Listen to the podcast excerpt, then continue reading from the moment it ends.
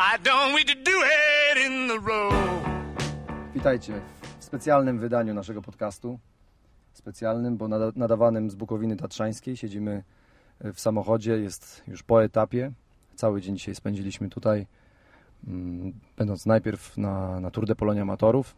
No a później oczywiście mm, jechaliśmy w kolumnie wyścigu i cały czas byliśmy jego częścią. y, Też kibicując na, na, na Gliczarowie na, i w paru innych miejscach. Teraz już atmosfera w Bukowinie powoli się uspokaja. Y, Etap się rozjeżdża, wszystkie, wszystkie mm, wozy techniczne, wszystkie wozy mm, ekip się rozjeżdżają. Y, Schodzi ciśnienie, ale, ale tak naprawdę za nami bardzo dynamiczny, bardzo emocjonujący dzień, mm, o którym dzisiaj chcielibyśmy Wam y, przez chwilę poopowiadać.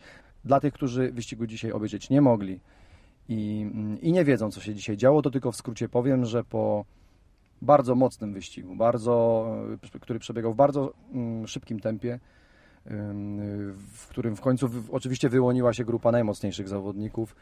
Y, W tym wyścigu dzisiaj najsilniejszy, najszybszy był Sergio Henao z grupy Sky. Zawodnik, który nie pierwszy raz zresztą mm, y, w Tour de Pologne jechał i nie pierwszy raz brał udział w decydującej akcji na, na tym buk- bukowiańskim etapie. I Sergio Henao y, pokonał różnicę czasową między, między nim a do, dotychczasowym liderem y, do tego stopnia, że sam objął prowadzenie w klasyfikacji generalnej i jutro będzie w, zielo- y, w żółtej koszulce lidera startował w czasówce. Ze mną w aucie, bo to jedyne ciche miejsce tutaj w okolicy, jest Wolfgang Brylla y, z Rowery Org, a, a przede wszystkim redaktor Szosy y, i jest ze mną Łukasz Szrubkowski, którego zdjęcia dobrze znacie również między innymi z Szosy. No chłopaki, chciałbym Was zapytać o, o to, jak dzisiejszy etap odebraliście, jakie są Wasze wnioski. Wo- Wowo, może Ty zacznij. No może zacznijmy od tego, że ten dzisiejszy etap był bardzo emocjonujący i bardzo ciekawy. Mówiono, że ten wczorajszy na Gubałówkę, która zadebiutowała w programie, był ciężkim etapem, ale mi się wydaje, że ten dzisiejszy z perspektywy naszej, czyli powiedzmy fotelowej, samochodowo-fotelowej, był jeszcze cięższy, bo do tego i bardzo niesprzyjająca aura pogodowa, bo 30 stopni, i upał, i skwar, i, i po prostu bardzo ciężkie warunki atmosferyczne i pogodowe, które raczej nie sprzyjały miłemu kręceniu na rowerze. Nie no, dzisiaj był chyba najgorętszy dzień w roku. No tutaj 30 stopni, w innych rejonach kraju chyba jeszcze cieplej. No ale y, pomijmy, pomijmy te kwestie pogodowe. Y, niezwykle ciekawy, niezwykle ciekawy etap, y, k- w któr, na, który, na którym to etapie y, mieliśmy i, i swoich przedstawicieli, bo tam uciekała bodajże szóstka czy siódemka naszych w odjeździe. Uciekał cały czas, albo próbował atakować cały czas Michał Kwiatkowski, który y, tak naprawdę na tej, to była ostatnia runda, nie, na przedostatniej rundzie, e, spuch, Tak, bo ja myślę, nie miał kompletnie sił. myślę, że do, do tego jeszcze wrócimy. Wrócimy, no Nie? to na Wrócimy do razie zapomnijmy również o tym. Ale, jeżeli tak też ogólnie, to ten dzisiejszy etap był bardzo, bardzo ciekawy i prawdopodobnie z z najciekawszych w ogóle w, w historii ostatnich kilku edycji y, Tour de Pologne. Ym, Wczoraj mieliśmy zwycięstwo etapowe e, De Klerka, przejął on prowadzenie w klasyfikacji generalnej. Dzisiaj kolejne zwycięstwo innego, tym razem NAO, który przejął również prowadzenie w klasyfikacji generalnej, czyli e, z dnia na dzień ta klasyfikacja generalna jest e, postawiona na głowę. E, I kto wie, może jutro również zostanie postawiona na głowę. No może nie na głowę, ale dojdzie do paru istotnych zmian, bo mamy, o tym nie wspomniałeś, ale mamy tak naprawdę dwóch zawodników w tym samym, w tym, w tym samym czasie w klasyfikacji generalnej na pierwszym, drugim miejscu. To prawda. E, pierwszy Diego Nao, Ulissi z Lampre. Genau, e, a potem jest Diego Ulisi. Wydaje się, że Nao jest mocniejszy na czas, na czas, jeśli popatrzy się na jego wyniki choćby z tego sezonu. E, ale jeśli przyjrzymy się również wynikom Ulisiego w czasówkach, e, może niekoniecznie z tego, ale sprzed dwóch lat, czy tej, sprzed tej krótkiej takiej afery dopingowej, to również ma się czym pochwalić, więc będzie na pewno emocjonująca walka jutro w Krakowie, również chyba w takiej niesprzyjającej e, pogodowej aurze, czyli będzie full lampa, gorąco upał, tylko że krótszy dystans, 25 km i bez premii górskiej e, na tym dystansie. No bardzo ciekawy, bardzo ciekawy ten Tour de Pologne w tym roku. Chyba nie tylko ze względu na samą rywalizację. O niej jeszcze chciałbym parę słów powiedzieć. ale tu pytanie do Łukasza, który dzisiaj spędził praktycznie cały dzień na Gliczarowie. Robił zdjęcia najpierw podczas Tour de Polonia Amatorów, później podczas wyścigu zawodowców. Mm, I to też nie jest oczywiście pierwszy raz, kiedy, kiedy ty, Łukasz, byłeś na tej trasie, dobrze znasz ten wyścig. Mm, No ciekawi mnie, y, czy ciekawi mnie twoje, twoja opinia o tym, co się dzisiaj działo. Mówię tutaj o tej stronie kibiców. Na pewno trzeba powiedzieć chyba, że powoli tworzy się taka kultura, że ludzie przyjeżdżają z całą rodziną w zasadzie, albo nawet ze znajomymi, e, żeby pokibicować na, na tym etapie tutaj górskim, gdzie kilka razy mogą zobaczyć zawodników, jak sobie spokojnie, powoli przejeżdżają e, przez ten podjazd. E, Fajne jest to, że po prostu są tu cały dzień. Wie- Wielu z nich uczestniczy w wyścigu amatorów, który może nie jest jakimś najbardziej trudnym wyścigiem, ale mm, uczestniczy w nim prawie 2000 osób e, i mimo, że najlepsi przejeżdżają go około godzinę, to, e, no to i tak jest, e, jest fajna walka. Wszyscy się tutaj cieszą, jak mogą podjechać ten gliczarów. Jedni e, to cieszą się z tego, że podjechali szybciej lub wolniej, inni, że w ogóle podjechali, e, więc e, jest dobra zabawa i widać, że, że tworzą się już takie grupki, które pewnie nie, nie pierwszy raz były na wyścigu jakimś kibicować, ale tutaj e, szczególnie dużo ich widać przy grillu, gdzieś przy, ze znajomymi przy piwku. Cały dzień można spędzić fajnie bardzo, bardzo weekend i trzeba się cieszyć, że jest coraz więcej takich osób. Co ciekawe, to nie są przypadkowi ludzie, bo widać, że się ekscytują samą walką, śledzą na telefonach cały czas, kto gdzie jest, ilu tych zawodników naszych gdzieś tam jedzie, e, kto, kto atakuje, kto, kto ile ma straty, Mm, analizują wyścig, także to nie są ludzie, którzy tu przypadkowo wyszli, e, tylko widać, że przyjeżdżają gdzieś e, z odleglejszych rejonów i no i chcą w ten sposób sobie spędzić dzień. Także z roku na rok to się rozwija. Jeśli można to porównać jakoś, e, to na pewno widać, że jest tych osób więcej. i Niektórych widzę już drugi czy trzeci raz w tym samym przebraniu, e, więc, e, więc są już też stali bywalcy, także bardzo fajna impreza i chyba też ciekawa atmosfera, bo spokojna, takie spokojne siedzenie przy trasie, także No właśnie, ja też chciałem powiedzieć, że dla nas to, to był w sumie dosyć nietypowy Tour, tour de Pologne, bo mamy wszyscy tutaj spore doświadczenie, jeździliśmy z tym wyścigiem zawsze, e, robiliśmy re- relacje live mm, i, i, i byliśmy po tej takiej typowo dziennikarskiej stronie, mm, biorąc też udział w każdym, w każdym z etapów Tour de Pologne. To wtedy się człowiek zamienia w takiego cygana, który, który z, z dnia na dzień mm, w tej kolumnie jakoś tam żyje zupełnie innym życiem niż na co dzień. Ale mm, dzisiaj mieli, zrobiliśmy zupełnie inaczej. W ogóle w tym roku zrobiliśmy inaczej. Pojechaliśmy tylko na jeden etap, na ten królewski mm, i, i z trochę innym nastawieniem. Zrobiliśmy sobie transparent, wzięliśmy ze sobą kilka leżaków, parasol, ustawiliśmy się na, na Gliczarowie i dołączyliśmy do kibiców. I dla mnie to było coś zupełnie nowego. Mm, I muszę przyznać, że bardziej mi się podoba nawet niż jechanie w aucie. Mm, Choć oczywiście jazda w aucie za wyścigiem daje mnóstwo, bo cały czas słuchaliśmy radia i, i, mieliśmy dosyć dużo szczegółów mm, o tym dotyczących y, przebiegu rywalizacji, których y, raczej nawet telewizja niestety czasami nie ma.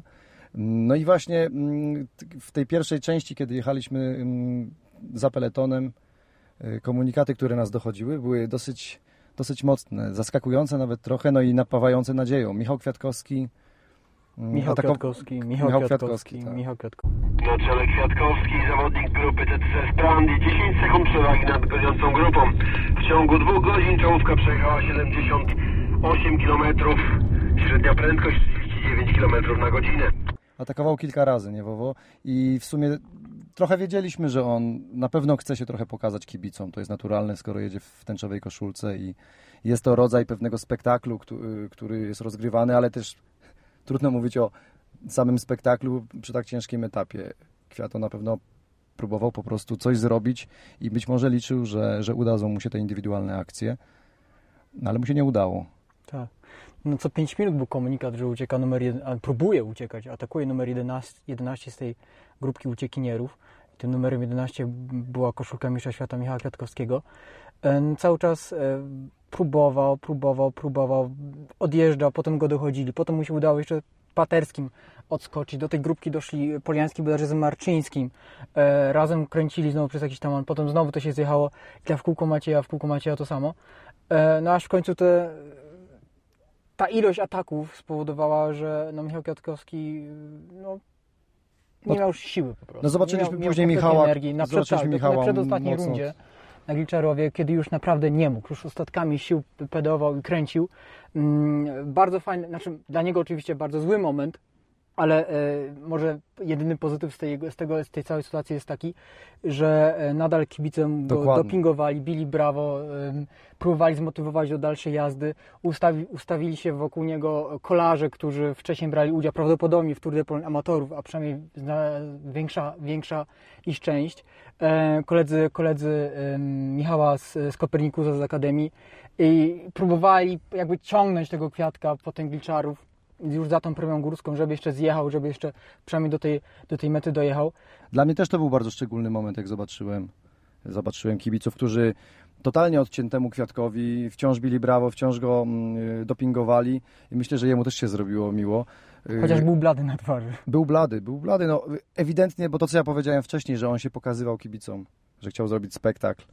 Mm, To później jak go zobaczyłem, to, to już to, to, to wszystko to przestało mieć znaczenie, bo widać było, że pojechał na 100%. Na, sto, na, na I to- 120%. I to nie było żadne, żadna pokazowa, pokazowa jazda dla kibiców, żeby spełnić jakiś tam swój obowiązek jako mistrz świata, tylko po prostu bardzo mocna jazda, tym razem mm, zakończona niepowodzeniem. No, Poliański też chciał się dzisiaj pokazać po tym pechowym wczorajszym dniu, kiedy znalazł się może za daleko z tyłu z pewnych względów nie był w stanie w ogóle zareagować na to, co się działo z przodu, kiedy poszedł ten decydujący atak. Zapowiadał to przed etapem i tak uczynił. E, Był widoczny, pokazywał się jak reszta naszych, no ale skończyło się jak się skończyło. Skończyło się tak, że nie mamy, kiedy w zeszłym roku ten Tour de Pologne skończył się zwycięstwem Rafała Majki, Polaka, w tym roku nie mamy ani jednego naszego w, top 10 co może, może niektórych kibiców troszeczkę rozczarować, ale musimy też dodać, że ten Tour de Pologne jest chyba jednym z najtrudniejszych, najcięższych wyścigów tutaj naszych narodowych, najcięższych Tour de Pologne Najcięższa edycja. Tak, w ostatnich, nie wiem, pięciu lat, teraz strzelam, trzeba by to zobaczyć, ale co, co tu się działo dzisiaj w Bukowinie, wokół Bukowin, na tych rundach przez Ząb i przez Gliczarów, w związku z tym, co się działo wczoraj, to akurat widzieliśmy tylko w telewizji e, przez Gubał, na Gubałówce, no to był kawałek e, bardzo dobrego ścigania, który troszeczkę zrekompensował nam to, co się działo wcześniej na tych e, sprinterskich, płaskich, płaskich odcin- odcinkach. Nic nie mówiąc oczywiście e, Macieju, Maciejowi jego, jego zwycięstwu e, to było gdzie? W Nowym Sączu. Tak. Wyścig od początku był, ba- był bardzo mocny. Na rundach w Zakopanem radio podawało tempo peletonu wynoszące 60 km na godzinę. Pewnie to było na jakimś odcinku Z górki. y, z górki, ale mm, tempo rzeczywiście było bardzo wysokie. Ciągle byliśmy ponaglani, wypuszczani do przodu, bo, bo peleton nie chciał, nie chciał puścić żadnej grupy. Ataki były mm, pewnie się tam powtarzały. Tego już nie widać, ale, ale, ale powtarzały się non-stop. No mimo to udało się tam coś uformować. Mm, Jutro czasówka, jutro ostatni etap, y, na którym jeszcze dużo się może wydarzyć. Jak już mówiliśmy, mamy y, dwóch zawodników y, o tym samym czasie, przodujących w generalce. Łukasz, co myślisz o, o tym, co się będzie jutro działo? Enao czy, mm, czy Ulisi przede wszystkim? A może ktoś inny? No gdybym miał postawić na któregoś z nich, to na pewno Sergio Henao. Na pewno to nie jest oczywiście pewne, że wiem, że on wygra, aczkolwiek e, byłby to zawodnik, na którego bym postawił, gdybym miał udać się do bookmacherów i przewidzieć e, wyniki jutrzejszego wyścigu. Myślę, że nie wiem, czy to będą akurat zawodnicy, którzy wygrają ten etap, bo może będzie ktoś, ktoś szybszy, ale, ale z tych dwóch i, i jeśli chodzi o rozstrzygnięcie generalki w wyścigu, to myślę, że, że właśnie on Czasówka jest krótka, ale myślę, że raczej mm, legitymuje się lepszymi wynikami w takich, w takich e, etapach, więc Wowo, ty też robiłeś rekonesans y, generalki chyba przed chwilą. Mhm. Coś tam ci jeszcze przyszło do głowy? Ktoś tam jest, kto, kogo, kogo widziałbyś jako czarnego konia? Y, Cał, c- E, w całej, W perspektywie gener- generalki, całej tak? klasyfikacji, tak. Zwycięstwa końcowego. Nie mi się wydaje, że Enao to pojedzie do Kolumbii zwycięstwem em, na wyścigu etapowym, etapowym e, World Touru. I wróci z tym zwycięstwem do domu. Coś mi się tak wydaje. Okej, jutro zobaczymy. My już też będziemy to oglądać y, na ekranie telewizora, tak jak, tak jak większość kibiców. Y, Tych, którzy być może rozważali pojechanie do Krakowa jutro i kibicowanie, zachęcam, bo dzisiejsze, dzisiejsze nasze doświadczenia i z wyścigu amatorów, a przede wszystkim z zawodowców były fantastyczne. Mm, y, Jedźcie i, y, je, Jedźcie, jedźcie, jedźcie. jedźcie i bierzcie z tego tak, wszyscy, z, tego, z tej atmosfery, która, Mm, Nawet jeśli jest, nie wiem, jakimś takim masowym i czasami nawet lekko kiczowatym klimatem przesiąknięta, to, to kiedy się w tym jest, to jakoś tam serce rośnie i, i czuje, się, czuje się tą energię, która z kolarstwem może być związana, jeżeli odpowiednia masa ludzi, odpowiedni poziom wyścigu y, w odpowiednim miejscu i czasie się połączą. A, i wszystkiego najlepszego Dawida Rebelin. Tak, dzisiaj radio, radio Tour, Radio Wyścigu śpiewało e, 100 lat w kilku językach Dawide Rebelinowi, który jutro kończy 44 lata. No ciekawe, czy jak skończy 50 dalej będzie jeździł tak wysoko jak, jak, jak, na, jak na tym wyścigu. Tego mu Ty, życzymy. ty myślisz, że jak będzie miał 50 lat, to nadal będzie się ścigać? No na razie nic nie wskazuje. Pozwoli. Dopóki serce pozwoli. Dokładnie, to jest, to jest cytat z wywiadu z Dawidem sprzed roku. Jeszcze w innym magazynie. Nazywam się Borys Aleksy, jestem redaktorem naczelnym Szosy. Był ze mną Wolfgang Brylla, Łukasz Szrubkowski.